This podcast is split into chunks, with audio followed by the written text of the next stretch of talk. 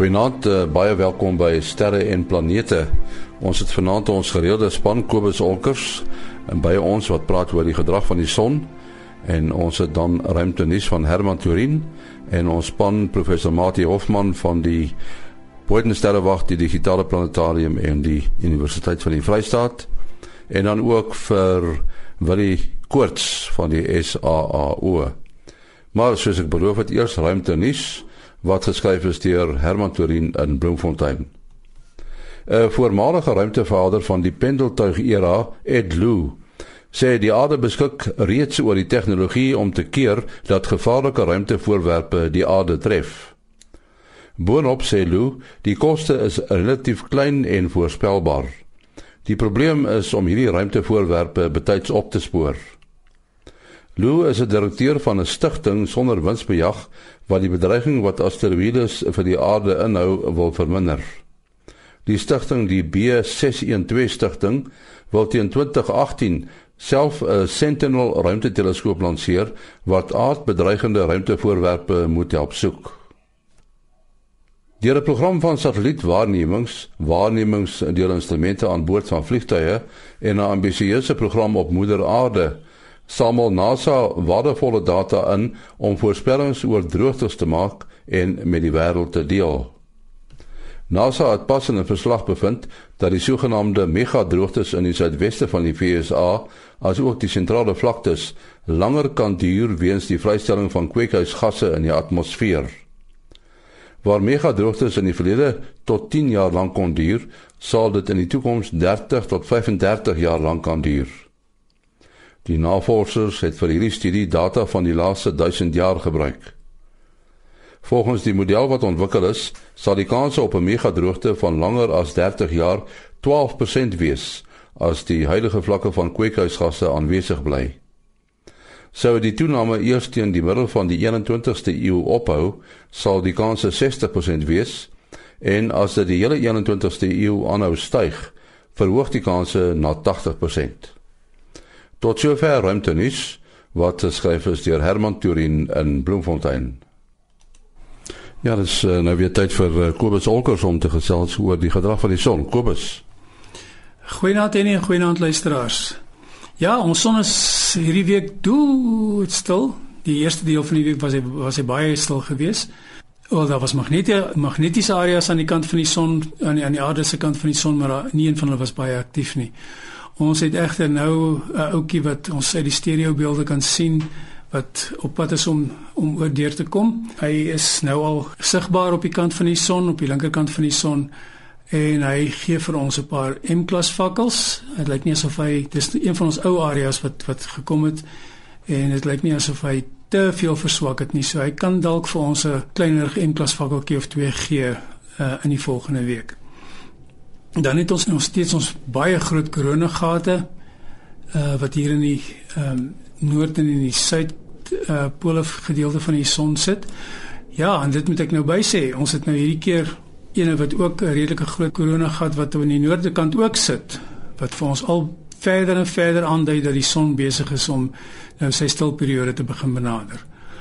Ehm um, hierdie ouetjies is kom nie so ver af dat ons veel kan beïnvloed nie maar die noorde een noordelike enetjie sy sy heel onderkant is kan bietjie geo-effektief raak en dit sal die sonwind naby die aarde bietjie opstoot en ons natuurlik weer ons langafstand uh, kommunikasie gebruikers gaan daarvan weet. Want ons 'n paar filamente. Uh, daar's enetjie wat lyk asof hy dalk kan kan opspring en dit kan vir ons natuurlik ook weer 'n toename gee in die, in die sonwind. Verder het ons 'n uh, relatief stil week voor ons. Nou ons sê baie dankie aan Kobus Olkers. Hy uh, praat elke week met ons oor die son se weer.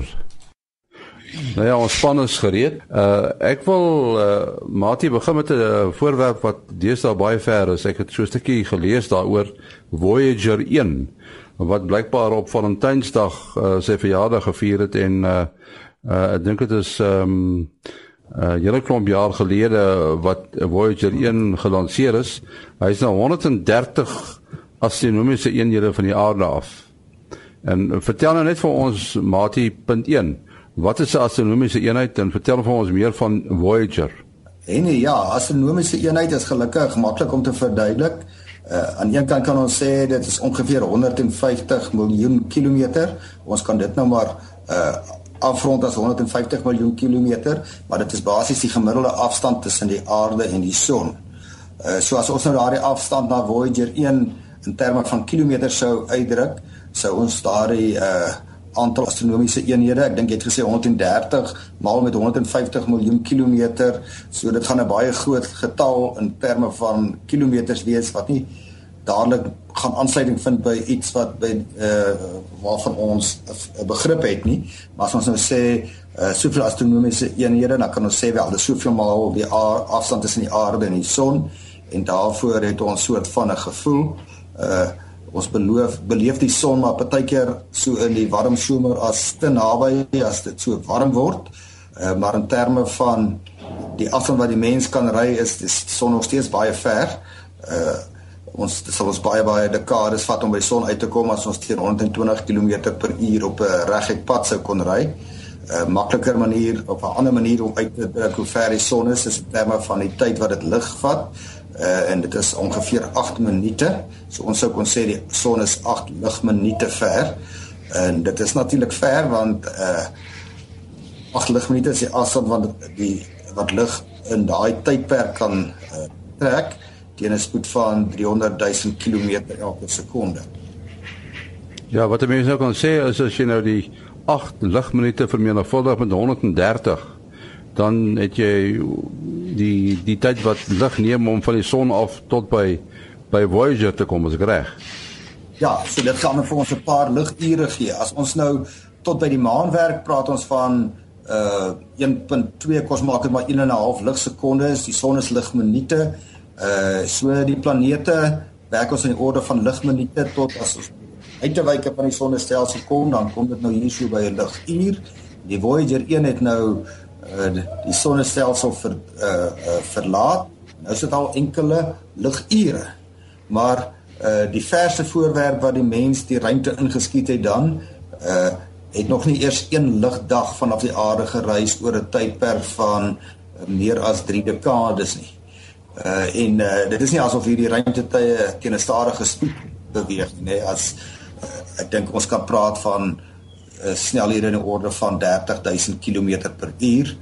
Uh dit kan in sekere gevalle is die spoed tot 50000 km per uur. Ek is seker wat Voyager 1 se snelheid relatief tot die son op die stadium is nie. Dalk is ons gelukkig dat uh, wat die vir ons daarmee met daai inligting kan help. Ja, ek het nou sommer gou so vinnig gekyk terwyl jy gele gepraat het 61000 km/h is sy is sy snelheid op hierdie stadium en uh, iets anders wat ek nou opgetel het net om om dit nou in vergelyking te sit met met die sonnestelsel. Ehm um, nou Pluto is 39 astronomiese eenhede. En en so dit wil sê Voyager 1 het nou 3.3 maal die afstand tussen die aarde of tussen die son en Pluto wel die aarde is nou maar baie klein verskilletjie daar. So ehm um, so dit is al 3 maal uh ek sê buitekant die verste ons soos ons laasweek gesê het ons praat nou nie meer van Pluto as 'n planeet nie maar as 'n as 'n as 'n dwergplaneet Neptunus is is 30 astronomiese eenhede so so dit is dit is amper 4 maal uh verder van wat uh, Neptunus van die son af is is is is uh, is Voyager 1 nou. So dit is dis al 'n hele hele entjie in die, in die ruimte in. En ja, ons het so ehm um, verlede jaar, eintlik voor verlede jaar het ons gepraat dat Voyager 1 toe die sogenaamde heliopause bereik het. En en dit is dan waar die invloed van die son uh soort van ophou. So so hy is toe amptelik buite die sonnestelsel want die soos ons genoem het daai die son het 'n het 'n sweer van invloed rondom hom wat nogal baie ver uh, strek. En en uh, dit was ook die eerste keer dat 'n mensgemaakte voorwerp dit bereik het om om buite die ehm um, die die invloedsweer van die van die son te beweeg. Uh en uh toe hulle onmiddellik ge, uh, ge, begin der uh verskillende lesings kry op soos wat dit noem dit nou maar die interstellêre medium uh, bereik het waar um, die die polarisasie en ek dink daar was 'n magneet maar soos 'n magnetometers het het ook verskille opgetel ensovoorts. So dit is dit is voorwaar 'n taamlike ding wat ons hierso bereik het om om om wel so iets so ver te vat en wat my net verstom is dat ons werk hier met 1970 se tegnologie. Nou die mense wat 1970 kan onthou, daar rekenaars was nog eers op die horison nie. Ehm um, die eerste sakrekenaartjies het het hier in in 75 1976 verskyn. So ehm um, so die die tegnologie gesels nog steeds terug aarde toe. Dit is net altyd vir my wonderlik om daaraan te dink.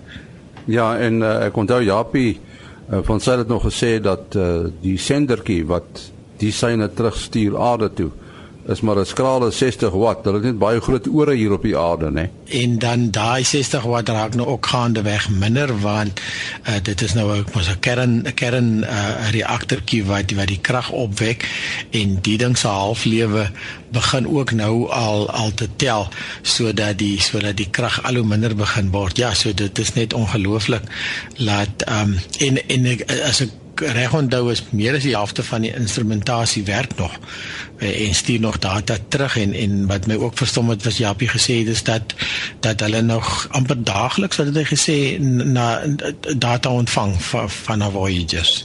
Wat wat nou merkwaardig maak eh, die die, die sogenaamde pale blue dot Dit is die foto wat uh, Voyager geneem het uh, van die uh, sonnestelsel uit van 'n hele paar planete geneem en die pale blue dot is natuurlik nou ons moeder aarde. Dit was nou daai herdenking 25 jaar gelede toe daai foto geneem is op uh, Valentynsdag die 14de Februarie 1990. Maar ek dink as 'n mens uh, daai foto sien, uh, mens moet maar op die internet gaan rondkar en gaan rond Google en net tik pale blue dot dan kom 'n mens onder die gewellige indruk hoe min en hoe klein en hoe amper niks sê in die aarde is nie. Nee, ek dink amper dit is die uh, beroemde Carl Sagan wat daardie sinsnede uh, geskep het van die pale blue dot en uh, mense sê almal wat jy ooit geken het of ooit gaan ken uh, lewe op daardie dowwe kolletjie in die ruimte wat nou maar net 'n spikkeltjie is. Uh, net om nou terug te kom na jou 130 astronomiese eenhede in kilometers. Ek's nou hier op 'n webwerf wat op elke oomblik vir jou aanwys hoe die afstand verander omdat hy uh, nou teen daai hoë spoed beweeg soos wat wat hy gesê het dat die afstand is 9 amper 19570 miljoen kilometer.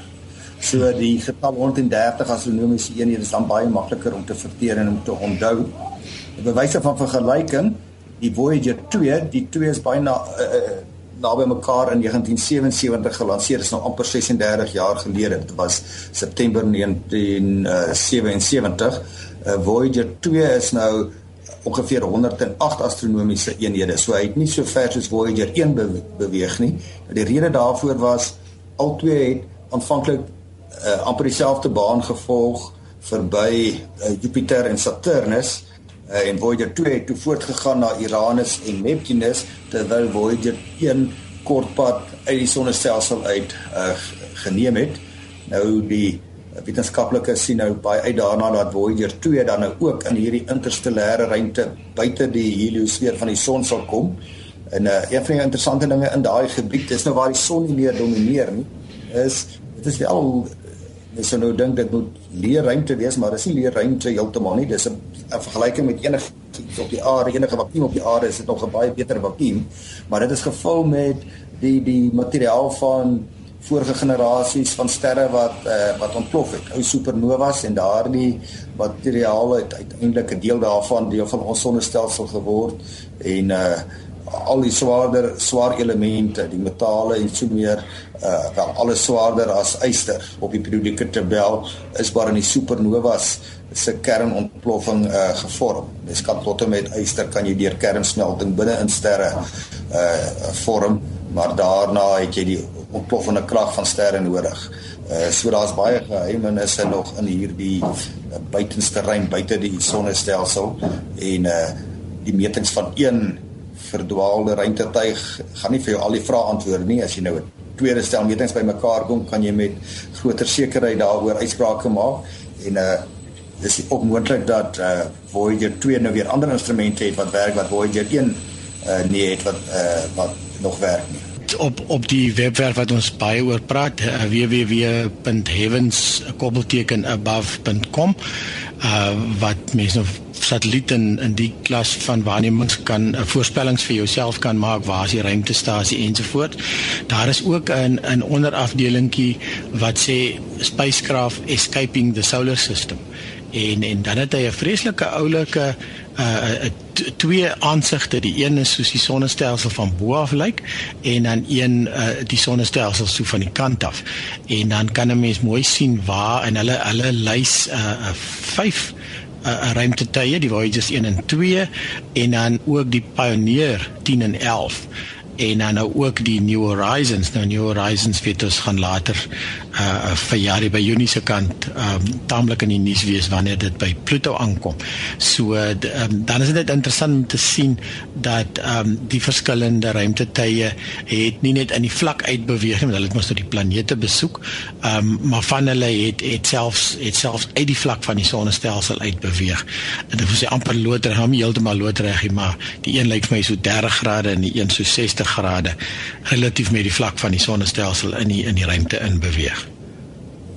Mati, uh, ons spring nou heeltemal van die buitenste ruimte na Switserland toe. Die Large Hadron uh, Collider, nee, dit is mos daar die uh, is dit 'n siklotron ja, en is hier is 'n Ehm um, watter waarde het hy vir die fisika en vir ruimtenavorsing? Ja, mense moet onthou die uh, sterrehemel is baie goed vir die fisika. Uh, ons werk met die wette van die fisika en ons probeer dit natuurlik toepas op die alledaagse lewe. Uh maar ons stel ook baie belang in die gedrag van fisiese stelsels by baie ekstreme omstandighede. Soos byvoorbeeld wat gaan by 'n baie hoë temperatuur gebeur of wat gebeur uh as jy 'n baie groot gravitasieveld het of 'n baie hoë digtheid. En ongelukkig is dit met menslike tegnologie baie moeilik en of baie duur om sulke ekstreme toestande te kan uh te kan skep. En die sterrehemel is uh, gevul met ekstreme omstandighede. Ons kan wat dink aan neutronsterre wat bestaan uit materiaal met 'n baie hoë digtheid. Uh ons praat van 10 tot die mag 18 uh kilogram per kubieke meter. Uh ek kon vergelyk dit eerder met die digtheid van water. Dit is 10 tot die mag 15 'n mal digter as water of 'n 1000 miljoen miljoen keer digter as water. So dit is iets heeltemal ver buite enigiets wat ons ooit ervaar het. So hoe gedra so 'n stelsel om? En dan roteer hierdie uh, neutronsterre ook nog baie vinnig. Of ons kan gaan dink aan die uh, te temperature binne in die hart van sterre waar ons praat van miljoene grade Celsius. So daar is die temperatuur nie baie hoog nie. Die digtheid is ook baie hoog want dit al hierdie laag van die van die ster na buite toe wat na binne druk via die gravitasiekrag uh of jy kan van 'n buitengewone vakuum praat of baie lae temperature. Enige ekstreme omstandighede wat jy jou kan bedink sal jy seker iewers in die sterrehemel kry. So so dit gee vir jou 'n uh, 'n laboratorium, 'n uh, gratis laboratorium as ware uh wat die natuur aan ons gee. Uh, waar die geld natuurlik inkom is om die instrumente te bou en die groot teleskope wat uh die syne wat uh, vanuit daai laboratorium kom by die aarde om dit op te vang. Uh in ge, met genoeg intensiteit en dit te kan uh, gaan ont, uh, ontleed. Kyk, dis nou een voorbeeld. 'n Ander voorbeeld as ons nou in die aanduidings baie sterk dat daar 'n uh, optimale ander fase was voor die sterre tot stand gekom het. Uh toe dat die die samestellende dele van die heelal uh maar soos 'n kosmiese sop was wat bestaan het uit uh uit lig in interaksie met elementêre deeltjies. So as jy nou ons kan nie daardie toestande direk waarneem, ons neem dit indirek waar by wyse van die gevolge. Ons het byvoorbeeld die nagroet uh van daardie gloeiende heelal by wyse van die mikrogolf agtergrond uh, en dit vat ons terug tot die heelal deursigtig geraak het. By elk geval as ons dan nou wil die teorie toets oor daardie vroeë stadium, dan wil jy nou weer uh iets wat jy nie direk kan waarneem in die heelal nie, wil jy in die laboratorium skep. En dit is van die dinge wat hulle kan daar in die uh daai groot versneller versneller die Large Hadron Collider kan namaak maar net op 'n baie baie kleiner skaal waar jy deeltjies teen 'n geweldige energie teen mekaar laat bots en dan skep jy 'n baie hoë temperatuur. Jy skep so half 'n namaaksel van hoe jy dink die materiaal uh, uh daar uitgesien het in die vroeë stadiums van die heelal se geskiedenis. Ja, iets iets ehm um, 'n soortgelyks wat ek miskien net kan noem. Ons uh, hier by ons is 'n ouetjie, 'n uh, Amerikaanse ouetjie wat ehm um, oorspronklik Suid-Afrika toe gekom het, ehm um, want hy's eintlik 'n filmmaker en en hy het dit nou so van dit gehou hier so in Suid-Afrika dat hy nou gebly het en hy's nou besig om verder te studeer en ehm um, en en hy was ook betrokke by 'n projek wat wat soortgelyk is hier hier is is dit nou net ehm um, uh, gravitasie waarnemings wat hulle doen. Die ding die die uh, projek se naam is LIGO, L I G O, dit staan vir Laser Interferometer Gravitational Wave Observatory. En en 'n uh, uh, ongelooflike werk ook met lang pype wat hierso in die veld lê en wat ook al en hy het 'n uh, uh, die oorspronklike die eerste fase van die bou van LIGO het hy 'n uh, dokumentêr gemaak en en sy tweede film is nou onlangs uit en dit is uh, gratis op die internet. Um, ja, daar selfs 'n Facebook uh, blad uh, mense kan net soek vir LIGO film en uh LIGO is dan L I G O en um en dan waar hulle die waar die hele bou van hierdie uh, instrument gedokumenteer het. Ongelooflik interessant en en uh, baie maklik verduidelik aan aan aan die publiek sodat sodat die meeste mense dit eintlik heel maklik kan volg. Ja, so van verstaan gepraat uh terug na daai Large Hadron Collider. Uh volgens die nuusberigte uh word hy nou weer aan die gang gesit. Hy's blykbaar opgegradeer. En die ouens is nou vreeslik opgewonde want hulle sal nou blykbaar meer kan agterkom maatie wat is swart of donker materie. Uh ja, die vraag na donker materie is nogal 'n 'n belangrike vraag uh omdat die raming is dat soveel as uh 20% van die heelal se uh, ma, uh, massa wat vir tot gravitasie bydra in die vorm van donker materie. Uh en daarmee word bedoel materie wat soos die materie wat ons ken, uh gravitasie tot gevolg het, maar dit bestaan nie uit die elemente van die periodieke tabel nie. So uh die periodieke tabel se ietsie meer uh, meer as 100 elemente is die gewone materie en dit verteenwoordig waarskynlik minder as 4% van die heelal se uh, se materie uh en daarvan is nie almal direk sigbaar nie. Uh ek dink dis maar iets soos 2% wat sigbaar is in beginsel in die vorm van sterre en dan jy nou uh, donker nevels en so meer, maar die donker materie is iets meer eksoties en uh dan verwys ons nou nie eers na donker energie nie wat uh wat te doen het met die hele al op 'n baie groot skaal. Maar ons fokus nou op donker materie. Uh mense sal baie graag wil weet waar hy bestaan dit. En uh uh dit is nog 'n totale raaisel. Daar's mense wat wat reken donker materie is 'n soort materie wat sy eie antideeltjie is. So dit vernietig homself in die vorm van straling op 'n gereelde basis en dan kom dit weer vir 'n oomblik tot stand. Ehm uh, dit is nou maar 'n onlangse berig wat ek uh, gelees het. Uh so dalk as hulle nou hierdie eksperimente uh in 'n al by al hoër energie kan doen, kan hulle sulke deeltjies ontdek wat ons nog nie van geweet het nie wat nie uiteindelik bes uh, vervat is in die gewone elemente van die periodieke tabel nie. Uh die ding is met die eksperimente, uh, mense soek beide dinge wat jy graag wil sien, wat jy wil verwag, maar jy soek ook verrassings. Uh en daar kom nog iets na vore as jy eksperimente in 'n diewe domein van energie doen wat jy glad nie uh, verwag nie. Uh so kom kom ons hou die ruimte dop. Dis baie duur eksperimente, maar dit is daarom nie uh, enkele land nie. Dit is 'n uh, uh, hele Europese uh, poging is nie net Europese lande nie, daar's Suid-Afrikaners by betrokke, daar's mense van oor die hele wêreld betrokke by hierdie eksperimente en die data word uiteindelik ook tot die beskikking van die wetenskaplikes oor die hele wêreld uh ge, geplaas dat almal dit kan gebruik om navorsing te doen. Maar dit is nie maklike werk nie, dit is gewoonlik groot uh, groepe wat saamwerk en die publikasies wat verskyn het daarom ook dan ook baie lang outeurslyste. Ja, ek wil net vra die sogenaamde kolle sak naby die naby die Suiderkruis wat eintlik maar 'n swart gebied is. Dis nou nie donker materie daai nie. Dit is eintlik ehm um, iets wat ons nie uh, weet wat dit is nie, nee.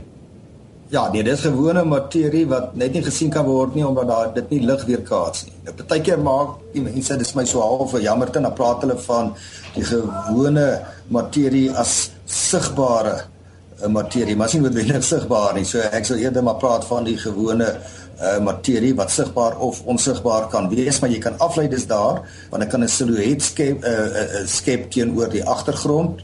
Ehm um, dis byvoorbeeld een voorbeeld of as dit in genoeg massa teenwoordig is kan dit 'n uh, 'n lens effek veroorsaak. Dit sien mense nou op die groter skaal waar jy nou baie sterrestelsels het wat dalk nie almal sigbaar is nie. Of jy kan donker materie hê, enige iets wat gravitasie uitoefen, dan kan dit lig in die agtergrond om dit buig en soos 'n lens optree.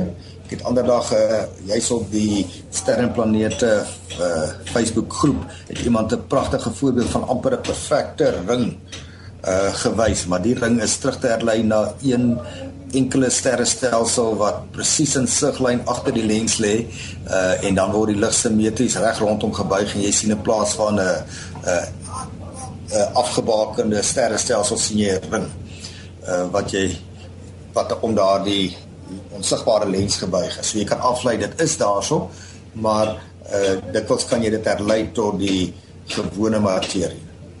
Nou ja, ongelukkig moet ons afsluit uh wil jy jou besonderhede? Ja, mense kan bel uh SMS of WhatsApp 0724579208. 0724579208. En dan Mati? 0836257154. 0836257154. En my e-posadres maas.henny@gmail.com. maas.henny@gmail.com. Tot die volgende keer. Mooi loop.